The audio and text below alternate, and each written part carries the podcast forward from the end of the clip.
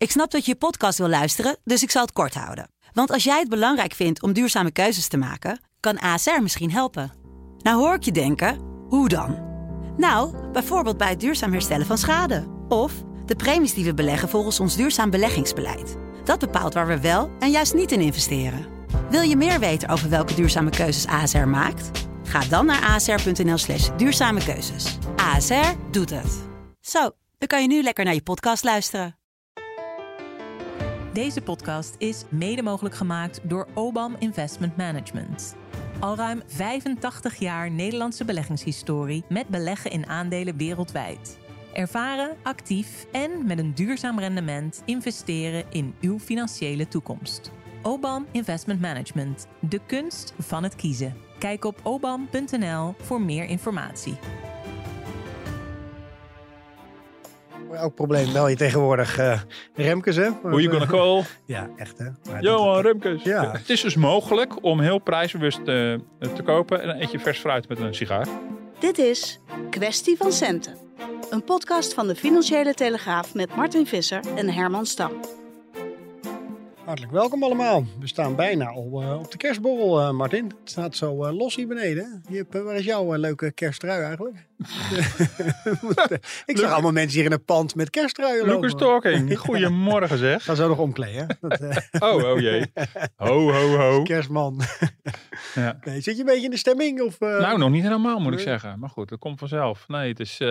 nee, nee, maar dat komt vanzelf, joh. Kerst- komt vanzelf. Kerststress. Nee, nou, ja, niet kerststress, maar wel kerstkrantenstress. Nee. Nou, eh, Hoeveel ja, interviews moet je nog tikken? Nee, dus ze zijn nu, ik ben nu klaar, ja. Ja, dus eh, nee, ja, ik denk dat de luisteraars wel zullen begrijpen dat we de kranten rondom de feestdagen wat verder vooruit eh, plannen, omdat we dan extra mooie verhalen willen hebben.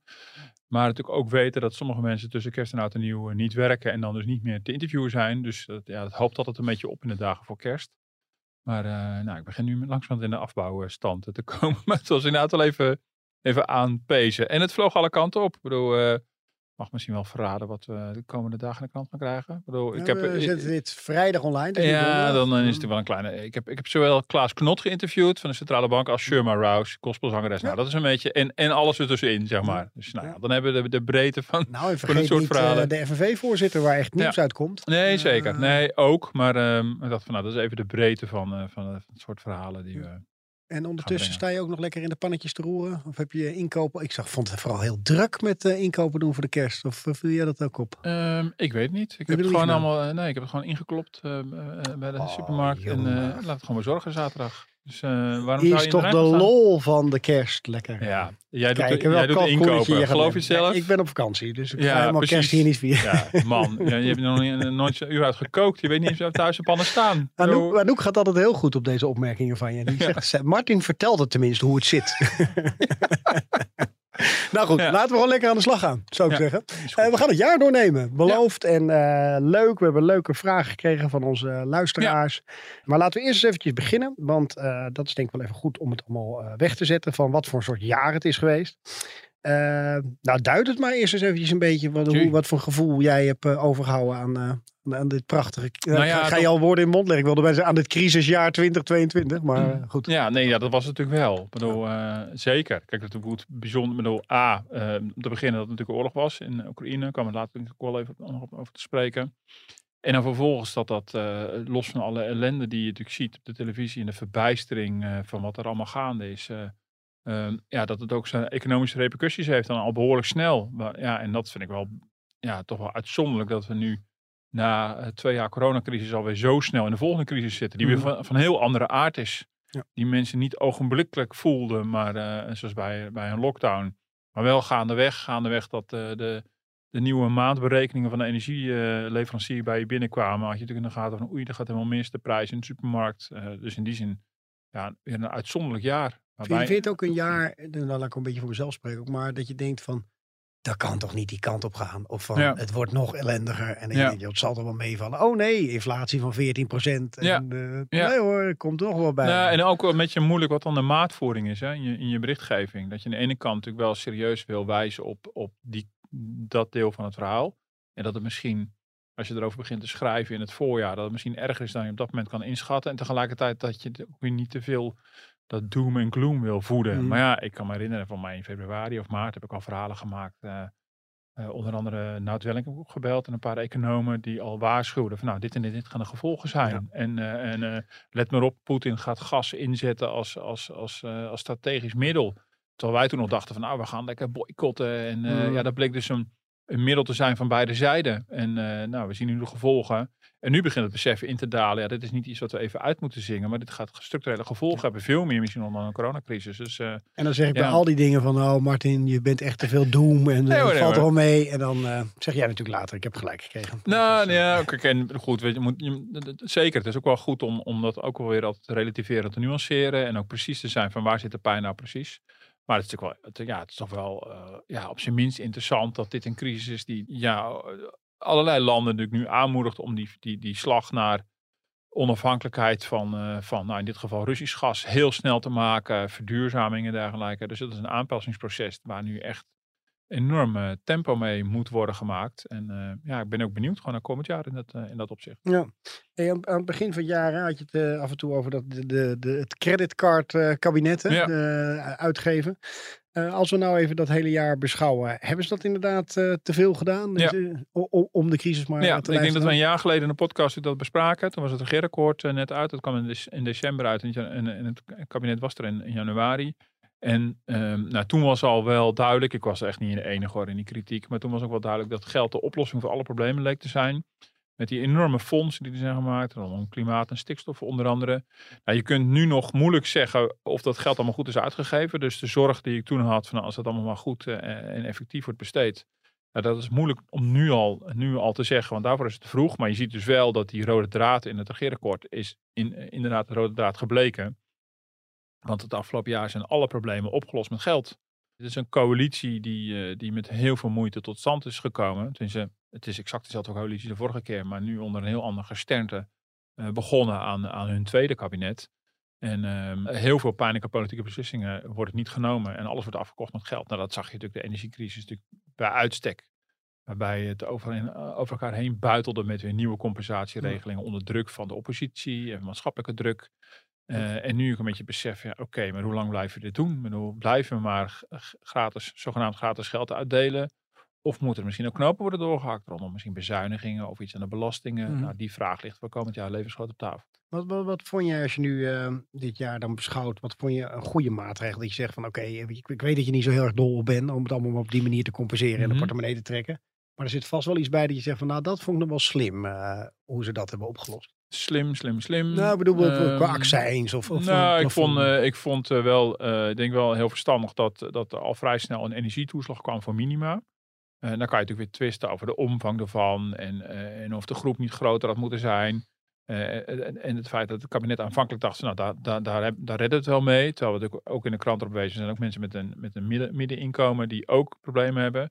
Dus ik wil niet zeggen dat dat de oplossing voor alles was geweest, maar eh, dat is door gemeenten uitgevoerd. En eh, nou, voor, vooralsnog is dat niet een enorm drama geworden. Dus dat is, het is wel opvallend dat in crisistijd, met corona zag je dat ook en nu weer, er toch qua uitvoering toch wel weer meer kan dan je soms van tevoren denkt. Met alle mitsen en maren. Maar goed, energietoeslag, dat, dat, dat was er één. En ik denk toch ook het prijsplafond eh, als idee, als gedachte. Of het nu gaat in de uitwerking helemaal precies gaat doen wat we hopen.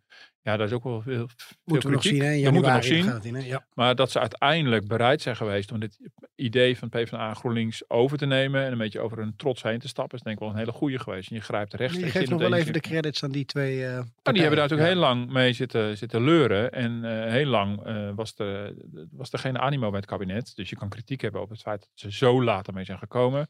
Dat is natuurlijk allemaal absurd. Pas met Prinsjesdag werd het aangekondigd. eh, en toen moest het onder stoom en kokend water in elkaar worden gesleuteld. Met als risico dus dat het een imperfecte regeling is. Maar de, de gedachte dat je op die manier probeert rust te brengen op, op, op de energienota is denk ik wel een logische. Ja, nou die complimenten geven ze dan even. Nu mag je ook nog even los van wat je eigenlijk het alleronnozelst vond wat we gedaan hebben het afgelopen jaar. Ja, nou dat is, het zit hem dus vooral ook in het proces. Dat haasje over. Het, het werd steeds meer. Nu vraag ik me echt in gemoeden af of we niet veel te veel aan het compenseren zijn. Eh, in de hele optelsom. We zijn ook echt een beetje de draad kwijt. Het is natuurlijk zoveel geworden. Dat prijsplafond is er nog weer bovenop gekomen. Dan hebben ze natuurlijk wel de lagere energiebelasting voor, weer voor ingeruild. Dus er gaat ook wel weer iets van compensatie wordt er weer ingetrokken. Maar ja, we hebben eigenlijk bijna geen zicht meer of het niet een beetje too much is geworden. Het is wel spannend of de energiebedrijven echt voldoende worden afgeroomd eh, qua eh, mogelijke overwinsten. Dat paniekerige, dat, eh, dat, dat, dat geeft niet echt heel veel, eh, heel veel vertrouwen. Dus, eh, en, en daarbij, waar we het er vaker over hebben gehad, is ja, dit is een grote crisis met uitdagingen voor koopkracht, voor, voor lonen, voor misschien aanpassing van de economie voor de iets langere termijn. Bij uitstek het moment om te gaan polderen. En uitgerekend dit jaar gebeurt het dus totaal niet. Mhm. Wa- Waardoor zowel het kabinet die inflatierekening betaalt als de werkgevers aan de CAO-tafel. Ja, dat komt maar heel onlogisch over. Helder. Hey, ehm, ik ga eens even die tombola in van eh, vragen van de luisteraars. We hebben een paar Dus, leuke vragen eruit Val- eh, gehaald. mee Ja. eh, ook, eh, of het valt op dat ook sommigen echt gewoon heel veel vragen stellen. Dan, Ja. dat, maar dat, Ja, daar we gaan dus niet alle vragen beantwoorden. We hebben een aantal eruit gepikt, zodat Ja. we allerlei onderwerpen bij de kop kunnen pakken. Ja, laten we eens even beginnen met Matthijs de Snow. Dat vond ik wel heel leuk. Kijk, hebben we wel daar een beetje in. Moet het allemaal maar groeien? Want jij refereert dan vaak aan die cijfers van nou, amper groei of 0,5. Ja, we hebben het toch allemaal best heel goed. En moeten die bedrijven altijd economisch groeien of kunnen ze niet gewoon tevreden zijn met wat we hebben? Ja, nou, de, zijn vraag gaat heel erg over, moeten bedrijven altijd groeien? Dus omzetten groeien. En Je kan hem ook iets breder trekken. De hele discussie over eh, is, is gewoon nul groei ook niet goed genoeg. Dat is echt een heel actueel eh econo economendebat eh, op het moment. Ook omdat natuurlijk de, eh, ook in het licht van het feit dat we met name in Nederland tegen allerlei grenzen oplopen. En dat gaat veel verder dan alleen maar eh, CO2-uitstoot. Maar eh, rondom de hele stikstofdiscussie. Je ziet dus dat alles klem komt te zitten rondom landbouw en woningbouw. ehm, eh, en, en dat roept natuurlijk steeds meer de vraag op. Van, ja, we lopen ook in Nederland niet tegen onze grenzen aan. Eh, en maken het niet alleen maar erger door steeds maar meer, meer, meer te willen. Nou, om met die bedrijven te beginnen. Ik denk dat als een bedrijf vernieuwend en innovatief wil zijn, moet het kunnen investeren. En die investering moet wel ergens uit wo- worden betaald. Dan kan je zeggen, van, nou, als je gewoon ieder jaar precies dezelfde omzet hebt, heb je precies dezelfde winst. Ja, en toch ben ik bang dat dat niet zo werkt. Ik denk dat ook, dat ook groei, dat geldt voor bedrijven, maar dat geldt voor jou persoonlijk ook, ook een soort motortje is. Het is ook een motivatie. En nu is het zeker zo dat mensen natuurlijk, eh, de meeste mensen, niet alleen door geld worden gemotiveerd. Maar het is natuurlijk wel het ruilmiddel dat we hebben. En Mhm. We drukken ook alles uit in geld. En dus de manier waarop je je bijvoorbeeld ook gewaardeerd voelt op je werk. Naast het schouderklopje, waarin, eh, waarmee jij het altijd deed als chef. Maar, eh, oh nee, Moet was de dit- vorige moet dit- podcast. Moet dit nou even zo vlak voor de kerst? Ik heb er al zoveel commentaar op gegeven. Wat ben jij een rotbaas, Herman Stam. Ik hoor Martin dan daarover Ja, praten. nou, het viel op zich, wel- viel op zich wel Veel mee. Er, is, eh, er, Ja. was mee te leven. Dank. Zeker. Ja, nee, maar natuurlijk, ik benadruk maar opnieuw, het gaat niet alleen maar om geld, maar dat is ook, bedoel, dat is ook een manier, het is een manier waarop je eh, verder wil komen. Je wil ook perspectief hebben. Het is ook logisch dat je op je 18e begint met een laagbetaalde baan en op je 65e eh, eindigt met een, met een mooi betaalde baan of met fluctu- fluctuatie, weet je. Dat is Ja, precies. Liever Dus in dat middenstuk. dan, eh, Nee, bedoel, nee, maar ergens het is natuurlijk logisch dat daar een soort opbouw in zit. En dat Mhm. hoeft natuurlijk niet altijd tot een eeuwigheid. En dat geldt voor een economie in totaliteit natuurlijk ook. Het is ook van belang om, eh, om, te, om natuurlijk aan te geven dat als een economie echt jaar na jaar 0% zou groeien, dan is de kans ook heel groot dat dat ook ongelijkheid vergroot. Maar is dat ook eh, waar dat eh, stilstand is achteruitgang eigenlijk? vandaan? Ja, ook. Maar ook dat je zult altijd winnaars en verliezers hebben.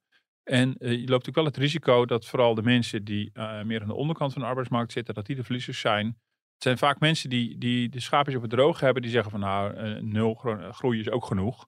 Dus weet je, dan heb je natuurlijk wel, dit- ja, dat noemen ze een zero-sum game. Nou, je hebt dan winsten en verliezen te verdelen. En waar slaan die verliezen dan neer? Nou, en je wil mensen ook, jonge mensen, maar ook mensen die echt nog in een laag betaalde functie zitten, ook een vooruitzicht bieden op een beter betaalde baan. Dat is ook een, eh, een, een stimulans. Nou, is er is wel een, er is wel een flinke discussie over. Ik bedoel, eh, heel veel, eh, ik denk dat heel veel meer traditionele economen dan het over de boeg gaan gooien van ja, we, mo- we moeten in ieder geval duurzaam groeien. Dus dat je dus niet door de groei ondertussen de hele aarde opbrandt of, of nou, op andere manieren totaal tegen grenzen aanloopt. Dus misschien is het wel een klein beetje minder groei. Dat het Mhm. wel samen kan gaan met, met het behoud van eh, klimaat en, en, en- onze aarde. En, en, nou goed, en er zijn meer radicale denkers die zeggen van nee, eh, d- ja, allerlei andere dingen rondom welzijn en klimaat en milieu zijn zo belangrijk. Daar mogen we best een beetje groei voor inleveren. Ik, Ja. ik, ik denk dat dat, dat dat uiteindelijk niet gaat werken. Maar ik vind het ook wel eh, makkelijk gezegd dan. Dan denk ik van ja, eh, oké, wij kunnen ons er wel aan houden. Maar ondertussen zijn er allerlei opkomende economieën. Die hebben Ook gewoon dat. een lak aan. En die denken, hup, we moeten zoveel mogelijk groeien. En eh, daar gaat weer een bos. En dan kunnen wij met ons goede gedrag... Ja. Nou, kijk, en die, en willen natuurlijk ook niet, en die willen natuurlijk ook groeien omdat ze vanuit een achterstand komen. Dat is Ja. natuurlijk een voorbeeld van dat is tussen landen, maar dat heb je binnen een samenleving natuurlijk ook. Er zijn Mhm. natuurlijk heel veel mensen die, die houden natuurlijk de hoop of, eh, of die bieden een perspectief dat hun leven beter kan gaan worden. En dat is ook, ook en een leven, je leven wordt ook niet alleen beter door meer te verdienen, maar dat is wel een belangrijk onderdeel daarvan. Want dat biedt wel allerlei mogelijkheden, ook voor een opleiding of, eh, of om in een betere buurt te gaan wonen. Eh, dus in die zin, ja, het, bedoel, ik denk ook niet dat we per se hoeven te streven naar zoveel mogelijk groei. Dus als je, als je dat zegt, dan snap ik dat wel. Je ziet de bedrijven daar ook de, de, laatste jaren enorm mee in de weer. Hè, dat winstmaximalisatie niet per se meer het doel hoeft te zijn. Nou, soms is dat pure marketing. En soms denk ik dat, dat, dat eh, de, ja, de topmensen in het bedrijfsleven echt dat denken aan het veranderen zijn. Eh, eh, ook vanuit, ik kan me herinneren, Financial Times had een keer een volledige bijna een soort actievoorpagina over eh, dat het echt tijd werd voor een, voor een grote reset van het Mm. kapitalisme. Nou, de big reset, dat is al een besmet woord inmiddels. Mm. Maar toch met de gedachte van het hoeft niet altijd maar meer, meer, meer. Er zijn ook andere waarden dan geld belangrijk. En dat is natuurlijk wel waar. En die, die beweging zie je natuurlijk wel. Dat naast eh, gewone welvaart ook de brede welvaart wordt bekeken. Eh, en dan kijk je natuurlijk naar veel meer zaken dan alleen maar eh, hoe kunnen we volgend jaar nog meer geld verdienen. Hey, eh, dit is een beetje een vraag die komt goed in het straatje van wat koopt meneer Visser rond de kerst? Want die meneer De Snow wil ook nog even weten welke producten moet je nou eigenlijk gaan hamsteren. Eh, je hebt natuurlijk die inflatie die bij sommige Ja. producten enorm eh, de, de, de duur heeft gemaakt. Wat eh, zou je aanraden van hoe je je inkooppatroon moet doen? Eh, nou, het was, stond bij, het is een fun vraag. Hè? Ik bedoel, het, is, het was hamsteren, hoeft natuurlijk niet. Maar ehm eh, er was een beetje de gedachte, stel dat je nou dat je met, een beetje met financieel beleid je kerstinkopen wil doen. Hoe doe je dat dan? Nou, ik heb de maand november even gepakt. ik Kijk. heb gewoon wat Oh, geïnventariseerd. ja, daar komt een hele lijst. Vier pagina's eh, producten komen hieruit. Mhm. En eh, in de maand november was de inflatie 9,9 procent.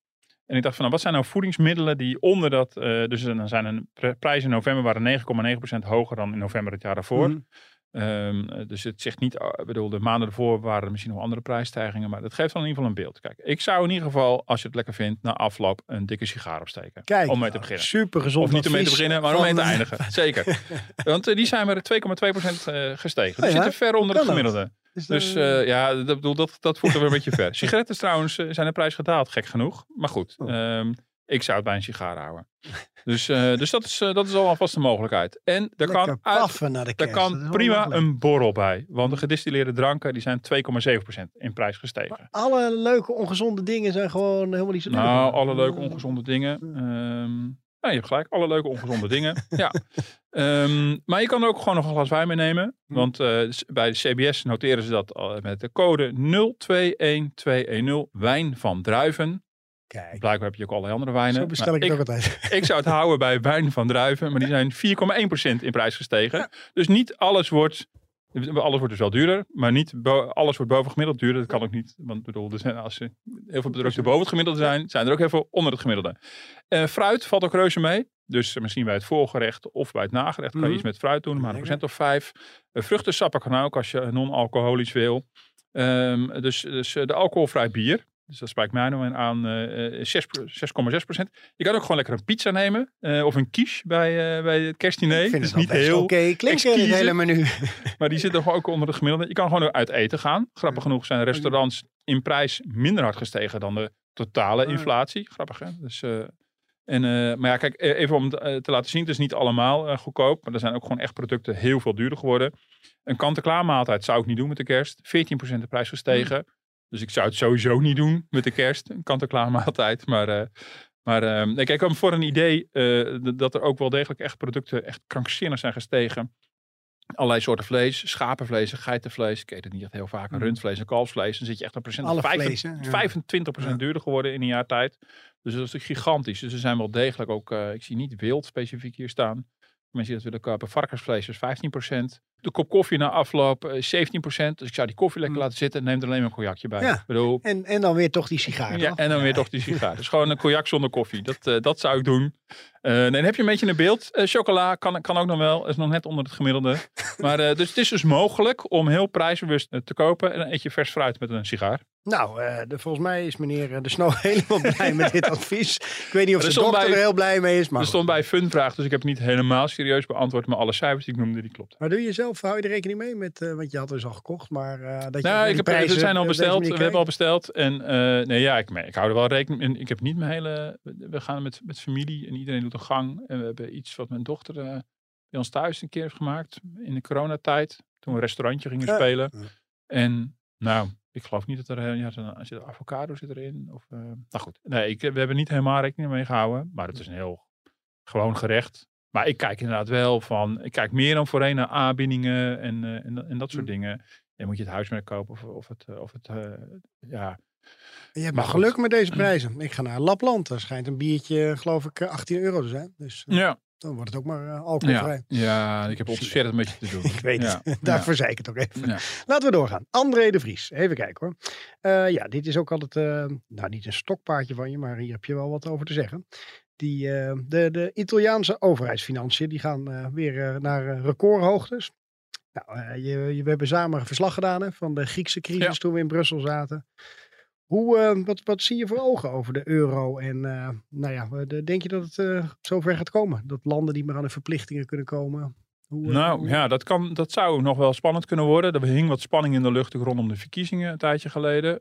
die spanning lijkt wat weg. Maar het is natuurlijk wel zo dat recent de rente weer is gaan stijgen. Daar gaat het uiteindelijk om. Hè? Van, wordt de, rentelast voor de Italiaanse staat zo hoog dat ze op een mhm. gegeven moment dat niet meer kunnen opbrengen dat, dat zal wel even een tijdje duren, denk ik, voor je zover bent. Want uh, ja, je, je rentelasten gaan niet van het een op het andere moment omhoog. Als de rente heel snel stijgt, ja, dan betaal je dat als staat pas op het moment dat je natuurlijk nieuwe staatsobligaties uit gaat geven. Dus nieuwe leningen af gaat mhm. sluiten. Nou was de rente, even voor het beeld van in Italië, was nou, zo rond de, de, de, lange tijd zo net boven de 1%. Echt absurd eigenlijk. Dat weerspiegelt totaal niet het risico van Italië. En is door, door het rentebeleid van de centrale bank om de inflatie te bestrijden opgelopen tot een procent of 4. En soms op een zeker moment ook wel meer. De, de, de, afgelopen maanden zakt het weer wat weg. Maar heel recent vorige week, ja, vorige week was het nog, uh, heeft de ECB aangekondigd dat er een nieuwe renteverhoging is. En vooral ook de, de, het hele verhaal van Christine Lagarde, de baas van de ECB, erbij was opvallend. Die gaf echt aan van nou, uh, we, vinden, we zijn echt niet blij met de inflatievoorspellingen die weer slechter zijn. Uh, dus reken maar op dat we echt voorlopig vol zullen houden met het, met het verhogen van de rente in de komende tijd. Zuid-Europa boos. Dus, en dat heeft gevolgen inderdaad voor Italië. Je zag dus de rente in Italië meteen weer oplopen uh, naar een procent of 4, vier. Dat is, hoeft niet meteen problematisch te zijn. Maar inderdaad, ook de ECB onderkent dat dit kan eventueel voor spanningen gaan zorgen in, in de, hmm. in, de, in de eurozone. Waar zat Griekenland ook weer op toen het echt een beetje penibel begon te worden? Nou, toen, ik kon, toen kon me herinneren um, dat er dat een soort, gra, soort, soort grens was bij 7 procent. Mm En um, ja, dat was, dat was ook niet helemaal in beton gegoten. Maar toen was een beetje het gevoel van als ze over de 7 heen gaan, dan, dan is het echt foute boel. Maar ik kan me eerder herinneren dat op een gegeven moment aan werd gehouden bij eh, boven de vier. Dan beginnen men zich al zorgen te maken over Italië. Nou, Italië zit nu al een tijdje weer boven de vier. Um, dus ja, dus ook een beetje. Dus, ook, dus, dus deels kan je het gewoon uitrekenen wanneer het onbetaalbaar wordt. Dan is op een gegeven moment die schuld echt onhoudbaar. En dan, dan kan je gewoon berekenen dat ze eigenlijk dat met goed fatsoen niet meer kunnen terugbetalen. Maar deels is ook psychologie. Wanneer gaan financiële markten denken, oeh, nu gaat het wel heel hard. Dit zal een voorbode zijn. En dan heeft het een zelfversterkend effect. Dan schiet die rente verder omhoog. Ik weet nog uit die tijd ook. Dan wist je gewoon bijna precies wanneer Griekenland weer de markt op ging om ja. Uh, de ja, nieuwe staatsobligaties uit te geven. Dan wist je gewoon hoe spannend het werd. ik heb daar heel veel geleerd over financiële markten. Dat was mijn achtergrond totaal niet. En over T-bills en zo. En dan van die kortlopende papieren. En ze ging steeds, steeds vaker heel kortlopende leningen mhm. afsluiten. Nou, dat is ook echt foute boel. Dat je weer voor een paar maanden hadden ze dan weer geld. En daar raakte echt op een gegeven moment het geld gewoon op in Griekenland. Uh, uh, dat was echt, echt een probleem. Nou goed, dat speelt op dit moment in Italië nog niet, maar die spanningen kunnen wel oplopen. En dan gaan twee belangen botsen van de ECB. Namelijk, ze willen per se heel stevig dat renteinstrument inzetten, om, omdat de ECB is primair in het leven geroepen om de, uh, om de inflatie te beteugelen. Ze streven naar een procent of twee. Nou, ze zitten in de eurozone nu op 10 procent. Uh, uh, en, en het andere belang is dat de ECB natuurlijk ook de boel bij elkaar wil houden. Ze hebben zichzelf uitgeroepen tot redder van de eurozone. Uh, wat ze formeel in mijn ogen helemaal niet zijn. Maar goed, dat heeft uh, Mario Draghi destijds gedaan. Dus, dus dat gaat tegen elkaar in, uh, die, die twee belangen. En ja. nou, er kan er een moment komen dat het voor Italië heel spannend wordt. En dan krijg je de druk op de ECB om toch op een manier Italië weer te hulp te komen. Ja, ja want deze meneer vraagt ook van hoe kan het dan dat het ook zo'n probleem is voor de euro zelf? Van, ja. hoe, hoe, hoe, hebben we het voor elkaar gekregen dat het dan zo kwetsbaar is als ja. in één zo'n land zo slecht gaat? Ja, Nee, ja, dat is uh, een terechte vraag. dat komt ook omdat, het, omdat, het ook elkaar, omdat we inmiddels ook ontzettend verknoopt zijn met elkaar. En um, nou, bij Griekenland speelde destijds, dat is wel iets anders nu dan toen. Bij Griekenland speelde destijds dat met name Franse en Duitse banken zwaar eh, in Griekse staatsobligaties zaten. Dus, uh, dus dan waren we ook elkaar schuldeisers, zeg maar. Nu met Italië speelt dat in veel mindere mate. Uh, het, bedoel, niet, het is niet helemaal nul, zeg maar. Maar dus voor een heel belangrijk deel ook een binnenlands probleem. Dat Italië, Italiaans staatspapier wordt voor een groot deel ook gaan aangehouden door Italiaanse burgers. Dus een mm. pensioen. Dus je krijgt op zijn minst krijg natuurlijk maatschappelijke en politieke onrust. En het zet natuurlijk wel de boel op de druk dat we misschien het land moeten redden. En het lastige is, je kan natuurlijk op een gegeven moment zeggen, nou laat met het land maar uh, failliet gaan. Dan blijven ze in gebreken, dan kunnen ze gewoon niet betalen. Maar dan is, is de angst altijd, dat speelde toen ook, dat als beleggers zien van, oh er is dus een heel groot land in Italië, in, in, in de eurozone, dat blijkbaar zomaar failliet mag gaan. Wat zegt dat over andere landen? En Mhm. dan, dan, ja, dan krijg je natuurlijk een soort kettingreactie. We gaan vol. de- En het is overigens dus wel ook, ook er zijn natuurlijk wel, sorry, er zijn natuurlijk wel, Mhm. wel degelijk belangen. Ik geloof een Franse bank met name in Italië en de Nederlandse banken in Italië zijn de belangen op zichzelf beperkt. Maar het gaat natuurlijk sowieso een kettingreactie krijgen van allerlei financiële partijen die toch op een manier eh, eh, ofwel sta- eh, Italiaanse staatsobligaties hebben of economische belangen in het land. En dus getroffen worden en grote verliezen moeten gaan nemen. En die onderlinge verbondenheid van eurolanden is veel groter dan de verbondenheid met allerlei landen buiten de eurozone. Nee, ja, ik wilde aan je vragen, want eh, de volgende podcast lijkt me mooi om ook wat meer te gaan vooruitblikken natuurlijk. Op Ja. want die nemen we op in het nieuwe jaar. Maar eh, ik wil die nu al vragen, hoe zie je dat voor je? Denk je dat je van die momenten krijgt het komende jaar met whatever it takes? Of, eh, want, want ondertussen, je moet iets met die inflatie. Ja. Nou ja, de- dit voelt als een soort spanning Ja. die in Italië. Ja, ik vind het heel moeilijk te zeggen. Maar mijn, mijn, mijn, mijn, mijn, mijn gevoel, zeg, mijn intuïtie zegt dat het, dat het niet zo snel weer zo paniekerig zal worden. Dat dat misschien een soort ongeluk in slow motion eerder is. Ehm, denk ik. Maar dat weet ik, dus, weet ik ook niet helemaal zeker. Ik bedoel, eh, je weet we hebben natuurlijk wel met. Dus wat natuurlijk echt een waarschuwing is geweest, is wat natuurlijk in Engeland is gebeurd. eh, eh, eh, na de verkiezing van. eh, of de, de, nadat Liz Truss eh, premier werd daar. Ja, kennen we die nog, die paar ja. mooie dagen? Jemig, ja. Ja. Dus dat ging zo hard. En dat is natuurlijk wel een land standalone en niet een hele eurozone. Ehm, dus, maar ja, goed, dat is echt wel, een, echt wel een waarschuwing geweest voor de eurozone. Het kan dus soms heel snel Mhm. gaan. Maar ik vind het heel moeilijk om te voorspellen dat dat komend jaar gaat gebeuren.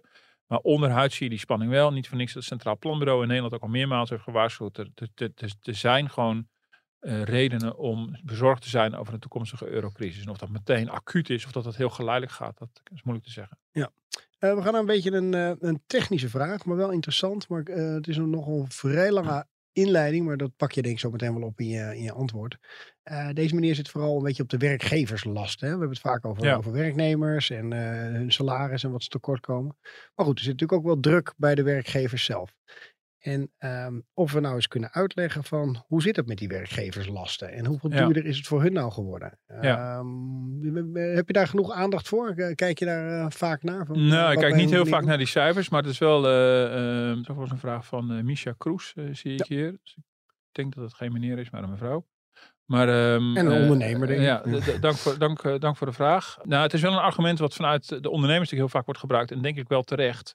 Bijvoorbeeld in de discussie over bruto-netto, van wat hou je nou netto over van je salaris. En de werkgevers wijzen er altijd op. Hans de Boer deed het, eh, inmiddels overleden. VNO-voorzitter. ehm deed het natuurlijk voortdurend. Die had het steeds over het bruto-bruto. Omdat natuurlijk, ja, als werknemer heb je dat nauwelijks in de gaten. Maar ja, dan zie je op je loonstrookje wel een verschil tussen wat je nu bruto ehm, ehm, eh, krijgt. En wat je dan netto echt overgemaakt krijgt op de bank. Maar er zit dus nog een bedrag bovenop. Dat zijn de werkgeverslasten. Dat kun je zien als bruto-bruto. Er zitten dus twee lagen op je netto eh. Nou, ik moet zeggen, ik kijk niet dagelijks naar die cijfers. Maar ik weet wel dat het eh, een, steeds een bron van zorg en kritiek is uit werkgeverskringen. Omdat dan wel wordt geroepen, de lonen moeten omhoog. En dan zeggen ze maar, hallo, kijk eens even naar onze lasten die we allemaal moeten betalen. Als, je, als, je, als je werken aantrekkelijk wil maken, kan je ook naar die lasten kijken. En niet alleen naar belastingen die werknemers betalen, maar ook naar de lasten van werkgevers. Nou, het gaat dan met name eh, die, eh, die werkgeverslasten. Die kan, je, die kan je heel breed trekken. Uh, zag ik ook bedoel, je kan de auto van de zaak meenemen, vakantiegeld en dergelijke. Mhm. Dat zijn ook allemaal lasten die erbij komen. Dus wat kost uiteindelijk die ene werknemer? Wat komt er allemaal bovenop dat salaris? Maar meestal hebben we de werkgeverslast hebben we het echt over de sociale premies eh, die, die werkgevers nog betalen. Een pensioenpremie, loondoorbetaling bij ziekte. En je ziet, je ziet wel dat, eh, dat, dat wat zij betalen ehm, ehm, nou niet, niet echt afneemt, zeg maar. Dus ehm, ik zal even het voorbeeld noemen. Kijk, de totale sociale lasten, die, die, die zijn dit jaar eh, rond de 44 procent. totale lasten eh, als percentage van de loonkosten. In totaal 44 procent. Mhm. Nou, en die, dat, is, dat, dat fluctueert een beetje, maar 20 jaar geleden was het ook ongeveer 44 procent. Eh, maar het aandeel dat werkgevers ervan betalen is wel duidelijk gestegen. Hm. Dat aandeel eh, ongeveer eh 21 procent wordt door de werkgevers opgehoest.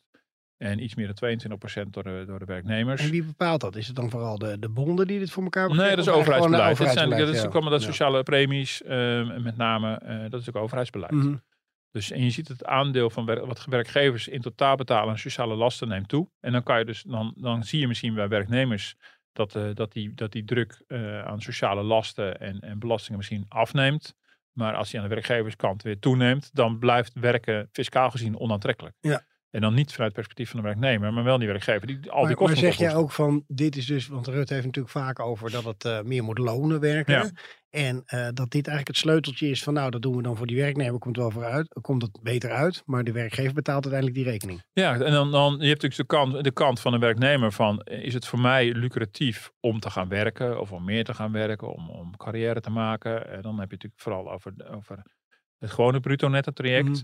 Ehm, eh, en, en dan krijg je de hele discussie over de, of werkgevers al genoeg salaris betalen. Maar heb je het over van ja, hoe, hoe, eh, eh, in welke mate stimuleer je werkgelegenheid en maak je het voor ondernemers aantrekkelijk om personeel in dienst te nemen? Dan moet je kijken naar het totale kostenplaatje, neem je werkgeverslasten mee.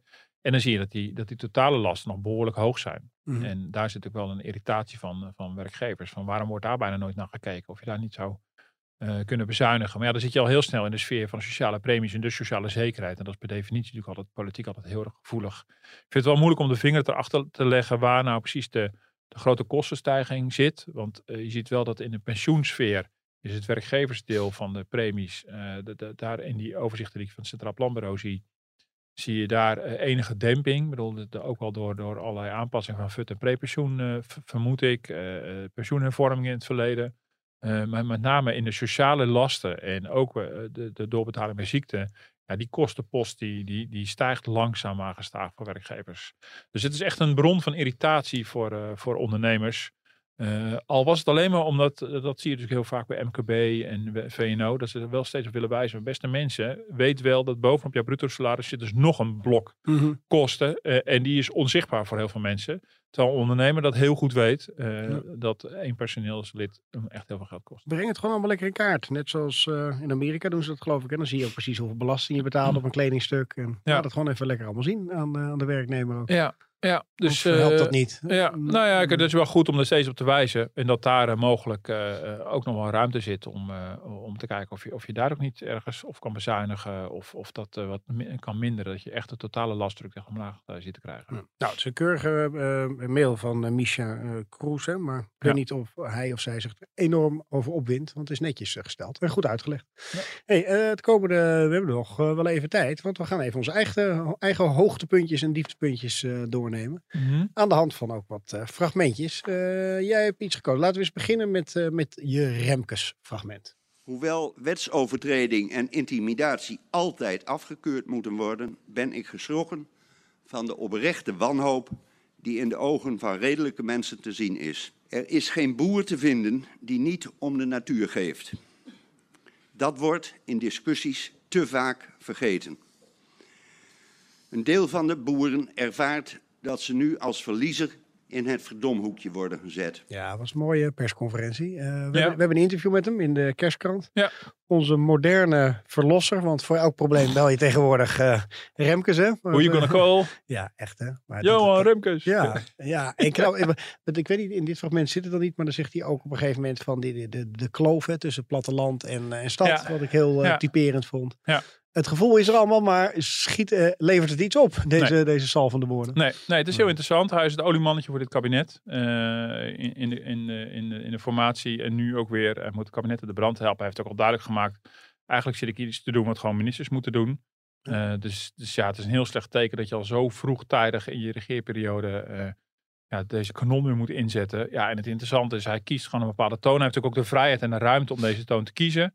Hij hoeft zich niet te committeren aan vervelend kabinetsbeleid. Hij heeft geadviseerd meermaals over stikstof. eh, en er verandert, eh, voor zover ik kan overzien, eh, aan het beleid eigenlijk niet zo gek veel. Uh, alleen deze toon was even nodig. Het debat kon even onhold worden gezet vanuit het kabinetkant. Van ja, we gaan wachten op Remkes. Dat speelde ook een deel van het jaar. Wacht op Remkes.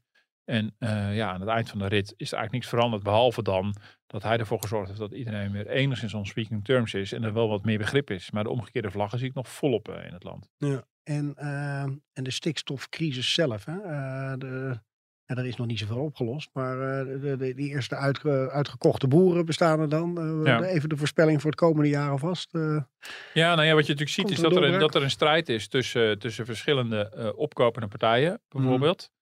Um, provincies mengen zich daarin. Er wordt gekeken naar de positie van, van Schiphol, onder andere. Mm.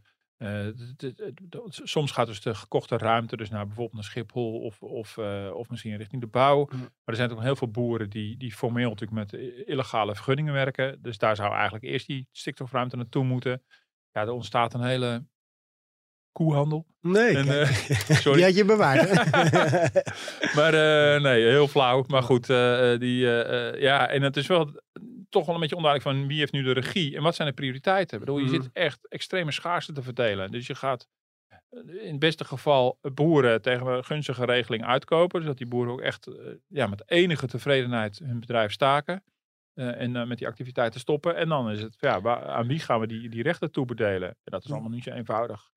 Dus, en het ehm, imago ook, dat is me ook heel erg bijgebleven van het jaar. Weet je, wat je zegt van, uh, je ziet nog overal die uh, boerenzakdoeken en alles. Maar gewoon ook van de, de, aan de ene kant mensen die natuurlijk heel trots zijn op uh, boer zijn. Maar ook hoe we ze een beetje in een hoek hebben geduwd. Van, het mag eigenlijk bijna niet wat je... Bij mij hebben die verhalen al het meeste impact als zo'n boer dan zelf aan het woord komt. En dat hij echt gewoon, van, het is zijn broodwinning. En hoe hard hij die aanval voelt. Ja, nee zeker. En tegelijkertijd wat het treurige natuurlijk is, is dat dit kabinet zit iets op te lossen wat heel veel voorgaande kabinetten allemaal niet hebben gedaan, hebben uitgesteld. Sommige mensen die er nu bij betrokken zijn, doen dat nog steeds. En soms dan zijn voormalig bewindslieden zijn nu ineens lobbyist en hebben daar mm. ineens het hoogste woord. Dus dat komt ook allemaal voor. Dus het is allemaal, eh, het is absoluut geen fijn dossier. En het is uh, echt wel, het is tekenend voor de grenzen waar Nederland tegenaan loopt aan de ene kant, maar ook de grenzen in de, in de bestuurlijke onmacht van het totaal maar doorschuiven van alles wat maar enigszins gevoelig is. En boeren doen geloven dat we met een beetje marchanderen met de regels dat we er wel komen. Ja, nu loop je mm. gewoon kaart tegen de muur. En wie zijn de, de verliezende partijen? Ja, dat zijn natuurlijk die boeren die natuurlijk iets is voorgehouden wat gewoon niet, niet reëel was. Ja. Nou, laten we doorgaan naar de volgende vrolijkheid. Ja, we hebben, ik heb eigenlijk allebei twee economisch uh, gerelateerde onderwerpen gezocht. En een beetje iets wat daar uh, los van stond. Maar het is niet uh, echt veel vrolijkheid. Ik wilde zelf eerst iets met Schiphol doen. Was natuurlijk ook echt wel het jaar van Schiphol met de rijen. En hoe die mooie luchthaven zichzelf een beetje uit de markt geprijsd heeft. Maar ik ging toch maar, want daar konden we uiteraard ook niet omheen. Oekraïne, laten we even luisteren naar Poetin. необходимым принять уже давно назревшее решение. Незамедлительно признать независимость и суверенитет Донецкой Народной Республики и Luganskej Народной Республики. Nou, Martin, je bent uh, Kremlin-watcher, hè? Je hebt beloofd dat je dit even zou vertalen voor me, toch? Ja, uh, ja zeker. Ik Wat wens u uh, prettige feestdagen en een gelukkig nieuwjaar. Ik heb het allemaal niet zo bedoeld. Nee, dat is natuurlijk, nee, we kunnen het natuurlijk niet verstaan. Maar ja, goed, iedereen weet natuurlijk nog in februari dat op een gegeven moment... De, de dreiging was al heel lang. Joe Biden zat het echt al te voorspellen. En ineens gebeurt het dan ook gewoon. En dan uh, ja, onder, in allerlei eufemistische, verbloemende taal wordt er, uh, wordt er gewoon een oorlog begonnen. En, uh, en ja, wat is echt ongelooflijk is, zowel voor Oekraïne, maar ook voor de repressie in, in eigen land. Hè. Ik noem niet voor niks die verbloemende taal. Maar op een gegeven moment zijn ook woorden daar verboden. Journalistiek wordt daar onmogelijk gemaakt. Dat is ongelooflijk. Ja. Ja. Bij dit had ik nog, we hadden, het net over die inflatie, dat je het er niet kon voorstellen. Maar bij dit nog minder. Misschien zegt het, legt het ook uit wat een slechte journalist ik ben, dat ik gewoon dat niet dan bedenk. Maar ik denk, ja, troepen bij de grens en een beetje powerplay. Ja. En voor je het weet zitten ze gewoon bijna in Kiev. Dat is toch... Ja, en ook, ook dat het dus inderdaad, dat je in het begin denkt. Uh, in het begin dacht ik uh, in al mijn cynisme van, uh, dit is heel snel voorbij. Dit is, dit, de, Russen lopen hier gewoon overheen. En dan, uh, en dan wordt uh, Oekraïne gedwongen om te gaan onderhandelen over een van een vredesproces. En Europa stemt ermee in. Ja. Uh, vanwege, alle, ja. vanwege alle economische belangen. Ik, bedoel, ik heb daar een heel cynische column over geschreven destijds. Mhm. Maar dat is heel anders gelopen. En nu zijn de Oekraïners een soort helden geworden. Zelensky voorop. maar, maar de keerzijde is dat het een heel langlopend conflict is. Met heel veel ellende en menselijk leed. Dat is uiteraard het allerbelangrijkste voor die mensen. Maar goed, eh, ook de impact die het voor ons had. Ja. Want dat vond ik, dacht ik ook van ja, dan kreeg je die eerste verhalen van nou, we krijgen tekorten. Ik heb op een gegeven moment een beetje gekscherend gezegd van het lijkt wel alsof alles uit Oekraïne komt. Maar het had zoveel impact ook Ja. gewoon voor onze economie. Ja, Kan je dat, kan je dat nou achteraf beter verklaren? Hoe die, hoe, want dat was, voelde wel een beetje als een soort van paniek. eh. Dat want alles tekort was. ja. Nou ja, ja, dat toont me meer aan wat de internationale verknooptheid en verwevenheid is die we natuurlijk met elkaar georganiseerd hebben. In coronatijd zag je natuurlijk ook al wat, Mhm. wat, eh, wat er gebeurde met het stilvallen van, eh, van internationale handel of het, of het heel en terug, eh, terugvallen. En nu zie je dat opnieuw. En worden we ons ook wel bewust van, van, van welke producten eigenlijk uit welke regio komen en in welke mate Afrika afhankelijk is van graan uit Oekraïne, om maar een voorbeeld te noemen. Ja, weet je, dat, dat, dat, dat, houden wij dan niet iedere dag bij. Maar er zijn natuurlijk experts in de wereld genoeg die wel degelijk dat allemaal weten. En ongetwijfeld ook voor waarschuwen. Maar het is ook wel interessant dat in vredestijd ja, dit soort eh, afhankelijkheden, dat er heel anders tegenaan wordt gekeken. Het bl- Het blijft verbazingwekkend dat, eh, dat het vorige kabinet in, dag in 2019 zowel een China-strategie als een Rusland-strategie heeft gemaakt. En daar, ja, dat was echt een soort pappen en nat houden. Terwijl er toen ook al reden genoeg was om je af te vragen in welke mate wil je strategisch afhankelijk zijn van dit soort landen. Eh, Ja. Maar ja, er is eerst nog zo'n oorlog nodig voordat die vraag echt levendig wordt voor de politiek. En tot die tijd, met name Nederland, is dan heel erg pragmatisch eh, tot opportunistisch. Overigens, en Duitsland natuurlijk ook, wat enorm afhankelijk blijkt te zijn van, eh, van Russisch, Russisch gas. En andere landen. En daar zit je nu maar mooi mee. En, eh, en eh, Groen eh, Nederland eigenlijk aan de ene kant een beetje blij. Want we moeten allemaal wat zuiniger zijn. Wat meer energiezuinige maatregelen nemen. Ja, want, al zie je natuurlijk Jette daar wel, minister Jette daar wel in balanceren. Ik zie hem niet heel triomfantelijk doen. Hoe je Hm. zou te kunnen zeggen, van, nou, dankzij deze energiecrisis krijgt hij zijn klimaatbeleid door. Maar ik zie ook wel dat hij dat heel uitgebalanceerd eh, dat hij dat, dat hij dat doet. En dat hij niet dit misbruikt om, om, om iedereen die, die, die klimaatagenda door de strot Maar te het gevoel had je wel een beetje toch bij eh, Sigrid Kaag in het begin. Dat ze zoiets had van ja luister als mensen Ja. gewoon heel veel energie eh, verbruiken. Dan is het ook een beetje hun eigen fout. Ja, dat was ook in het begin natuurlijk heel erg. Kaag had ook heel erg het mantra van we worden met z'n allen armer en moeten ons maar aanpassen. En Ja. uiteindelijk heeft ze daar voor een deel wel gelijk in. Maar, was, bedoel, maar dat is ook wel een beetje tekentafelwijsheid. Ik bedoel, je hebt ook gewoon als politieke verantwoordelijkheid voor de maatschappelijke impact die dit heeft. Eh, en uiteindelijk is men daar ook van teruggekomen en probeert men het nu voor, voor de komend jaar natuurlijk opnieuw om te kijken van kunnen we ergens een grens stellen aan wat we allemaal compenseren. Maar dan is het natuurlijk ook wel zaak, en, en, en dat gebeurt voor mijn gevoel nog te weinig. Dat is deze week ook in het katshuis besproken, eh, eh, waarover we bericht hebben, tussen economen en kabinet.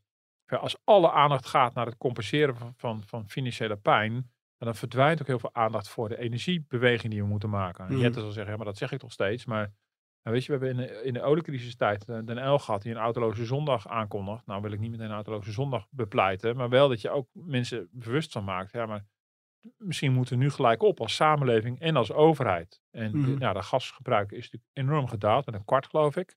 Maar dat is niet om, omdat er een soort brede oproep kwam vanuit een Rutte in een televisietoespraak of dat er een urgentie gecreëerd is. Nou, je hebt die campagne gehad toch? Van eh, je trui aan op de bank en zo. Ja. Postbus 51. Of, Ja. Ik weet niet of ze dat nog zo noemen. Ja, maar ik denk toch dat het gevoel is van nou, als we deze, win- deze winter met elkaar overleven, dan is, is het leed weer geleden. Terwijl, eh, en daar hebben de economen die uitgenodigd waren op het katshuis, het kabinet deze week zeker op gewezen van, neem de samenleving erin mee dat er nu ook iets structureel aan het veranderen is. En de hele economie moet daarop worden aangepast. Dat moesten we al doen en nu is er extra veel haast bij. Eh, het is niet de bedoeling dat iedereen elke winter zijn thermostaat op 15 zet. Ik bedoel, Dat Mhm. lijkt me niet echt een oplossing van een probleem. Helder. Eh, laten we even, want je hebt het al, eh, we hebben het een paar keer al gehad hè, over Kaag en Rutte. eh eens even naar het duo samen luisteren. Het was een hele ja, goede serie, heel intensief. We hebben er een tijdje aan besteed, maar eh, ja, zoals we zeiden, grote uitdagingen. Mooi afgewogen pakket, denken we. Morgenavond ministerraad. Ja. Niets aan toe te voegen. Waarom heeft het zo lang geduurd? Ja, het is gewoon heel complex. Het is echt heel complex. En eh, de vraagstukken die er liggen zijn ook echt omvangrijk. Maar eh, mooi pakket. Niks aan toe te voegen, maar hij doet het toch eventjes, toch? Ja, ja, ja. ja, ja. Dit was eh, eind augustus. Ik vond het een opvallend moment ook eh, in dit jaar. We hebben het al eigenlijk al over gehad inhoudelijk. Dus daar hoeven we denk ik niet heel veel meer over te zeggen.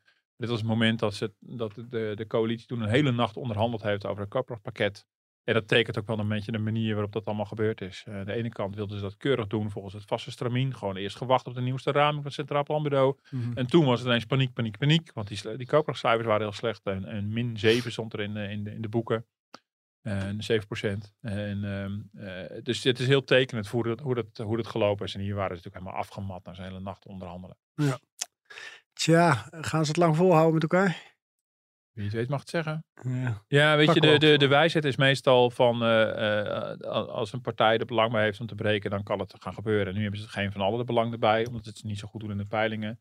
Maar ja, weet je, je weet nooit, je weet nooit waar een ongeluk precies vandaan komt. Dus, eh, dus ik vind het heel moeilijk om te zeggen. Bedoel, ze hebben dit jaar ook weer gered. Dat, Mhm. ja, dus ik vind het altijd heel lastig om, de, om te voorspellen. Ik bedoel, je ziet natuurlijk wel, dat ze houden niet echt van elkaar. Eh, maar ze hebben ook heel weinig belang. Even de staatsverkiezingen afwachten wat, wat daar gebeurt. En eh, ja, weet je, soms ontstaat de dynamiek op een heel een raar dossier. Ik bedoel, terwijl je misschien dacht dat ze op stikstof zouden kunnen gaan vallen, zie je ineens dat er een totale paniek is rondom de, de, de excuus voor het slavernijverleden, weet je. Dat was overigens niet meteen binnen de coalitie, maar meer tussen kabinet en, en de rest van de wereld. Ja, een ongeluk zit dan in een klein hoekje Ja. bij deze coalitie. Het was ook eh, dit jaar hè, dat Rutte het record heeft gepakt, toch? Als uh, langzittende premier Ja. met zijn drie, ik weet niet hoe, hoeveel die inmiddels zit. Dan was het iets van 4300 nog wat dagen. Ja, Ja, nou, ja nou, ik heb er geen herinnering meer aan. Geen eh, actieve herinnering. Nee, nee. Nou, mooi. We gaan eh, snel door, want we hebben gewoon nog een paar onderwerpen. Oh, dit is mijn eh, boosmaker puur zang eh, dit jaar. Siebert.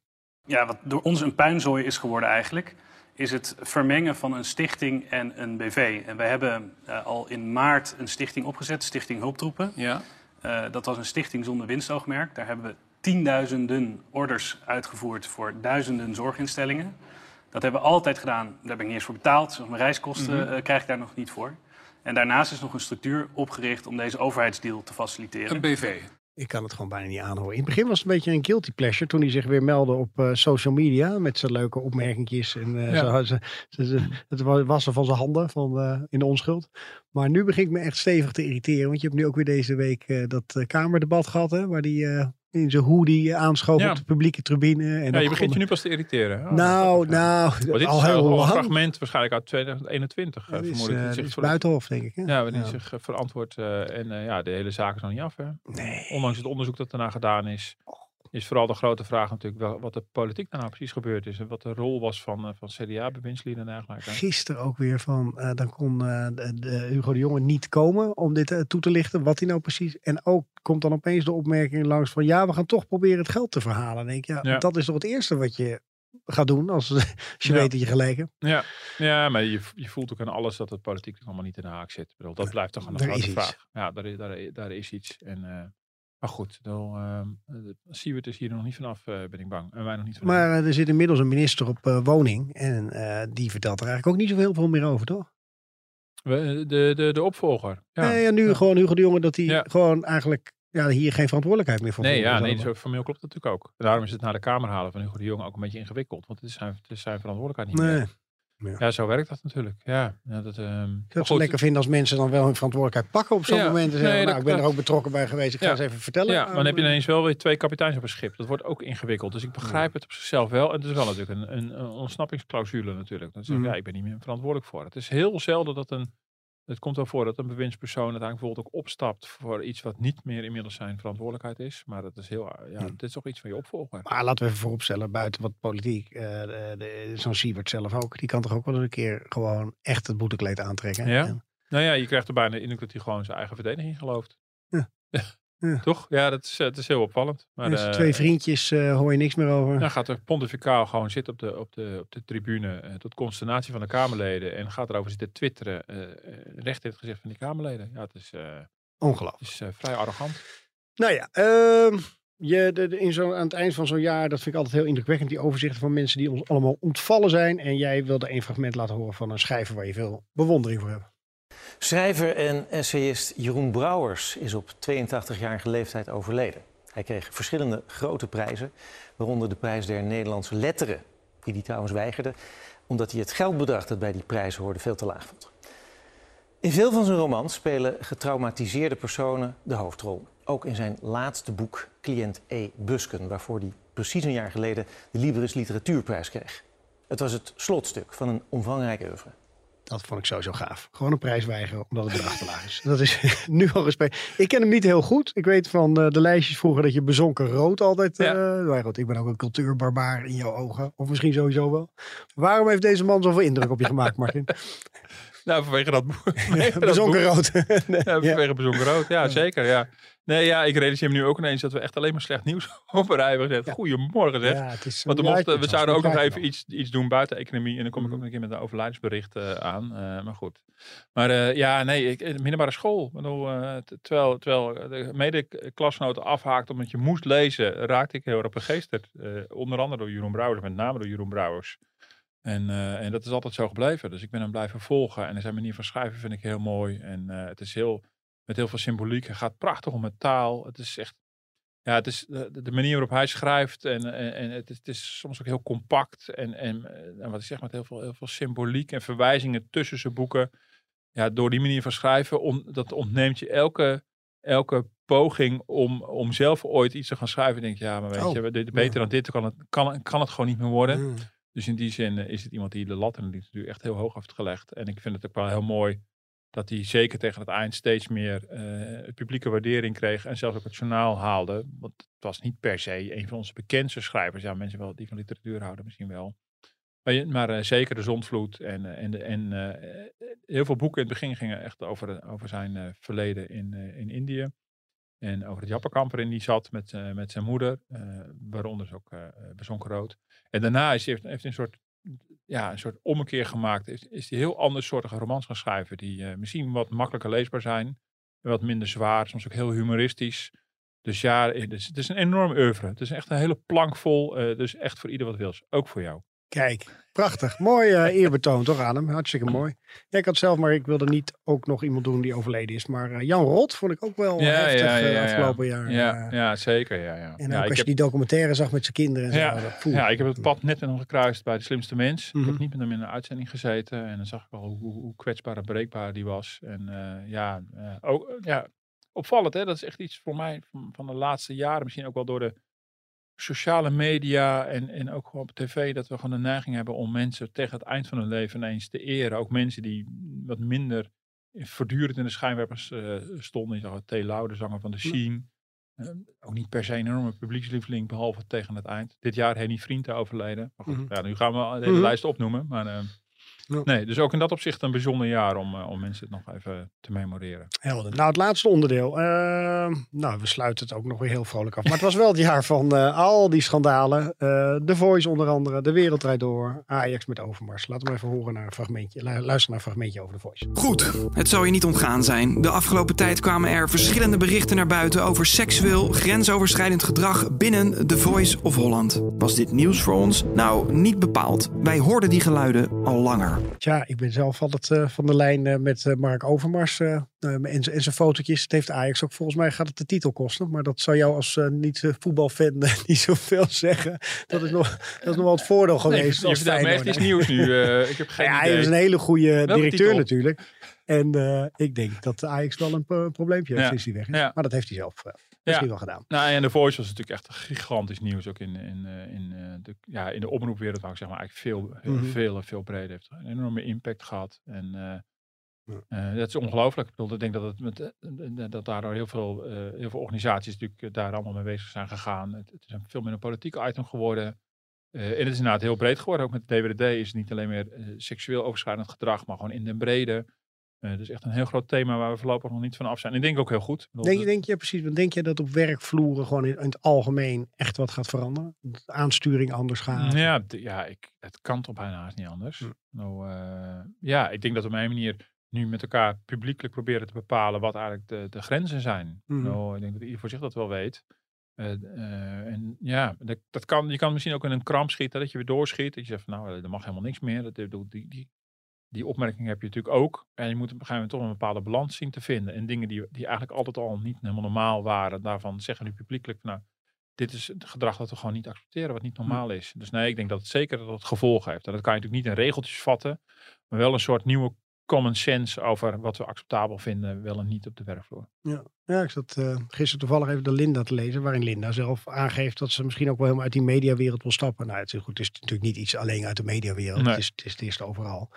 Maar ook wel een beetje dat ik dacht van, oh ja, en hoe zit het dan nu met eh, Marco eh, Borsato? Van wat Ja. is er dan uit die onderzoeken gekomen? En zijn we niet al te snel conclusies aan het trekken. Nou, wat ik wel lastig vind is, eh, dat we dus nu ook heel veel rondom de voice natuurlijk ook wel, zijpelt ook wel de een en ander door, dat er misschien niet zo hele sterke zaken zijn met de OM. Mhm. Ehm, dat vind ik wel weer heel jammer, want dit gaat, dit als er een juridische zaak is, dan moet die vooral gevoerd worden. Maar dit gaat natuurlijk niet in eerste instantie per se over strafrecht. Ik bedoel, dit gaat ook over, eh, dit gaat ook over een soort sociale conventies, afspraken die we met elkaar maken en dat je een bepaald gedrag niet acceptabel vindt. Nog Mhm. even los van wat er in de wet staat. Daar gaat het ook over. Ik bedoel, eh, weet je, eh, Matthijs van Nieuwkerk zal ook niet voor de rechter hoeven verschijnen omdat hij een medewerker heeft uitgescholden. Weet je, dus ik vind ook, eh, ja, als nou straks gaat blijken dat allerlei zaken rondom de voice door het OM worden geseponeerd, betekent niet dat er dus niks aan de hand was. Bedoel, Dat zou wel heel jammer zijn als dat straks de afdronk is. Het gaat echt op zoek naar een nieuwe balans, dat je op een gegeven moment niet meer accepteert dat mensen die een soort van machtspositie hebben, die macht misbruiken. Mhm. En dan, eh, of dat dan juridisch of wel, en, wel of niet in de haak is, dat, is, dat, is dat, dat vind ik echt nog een afgeleide. Maar goed, dan moeten we even kijken hoe dat allemaal gaat lopen. Ik vind het een mooie eh, eh, kerstboodschap uiteindelijk nog eh, zo. Ja. Nou, ik vind de kerstboodschap, eh drink een glas cognac en steek er een sigaar op. Ik doe zelf niet mee, maar Ja. ik, ik hou het bij een, een bescheiden, ja, we, we hebben altijd eigenlijk een 0.0'tje en maar ik ga natuurlijk wel lekker eten. En Maar, ik weet uit betrouwbare bron, eh, luisteraars, dat Martin binnenkort een verhaal gaat schrijven over dat leven Oh, ja, ja. alcohol. Ja, daar er verheug ik me erg op. Nou, humeurig ben je er niet door. Het is, eh, Nee, zeker niet. Volgens mij heeft je wel veel gebracht, toch? Ja, Het zeker. afgelopen jaar. Want het Ja. het hele jaar eh, ben je alcoholvrij geweest. Ja, zeker. Volgend jaar weer. En, eh, jaloers. Ik krijg het niet voor elkaar. Ben helemaal niet jaloers, daar geloof ik helemaal niks van. Ik heb wel helemaal zin in die sigaar en die borrel. Dus, eh, bij Ik, zie naar, ik sta naar de klok te kijken. Ik denk eh, dat de luisteraars inmiddels eh, allemaal weg zijn. Of Dus, aan eh, cognac zitten. Nee, daarom gaan we afsluiten. En dat mailen was dus hartstikke leuk. Dat kunt u ook gewoon blijven doen. Maar we gaan niet meteen volgende week dan... nou ja, we gaan, we gaan in, in zo'n nieuwe uitzending gaan we natuurlijk hebben over het nieuwe ja. jaar. Dus goed, jij zit eerst in Lapland. Dus, ehm, Precies. Als we eruit komen, dan podcast.dft.nl. Ik krijg een signaal van de regisseur dat we moeten opschieten. Duimpjes op de podcast-apps. En een hele goede jaarwisseling en fijne kerstdagen. eens gelijks ook voor mij. En tot volgend jaar.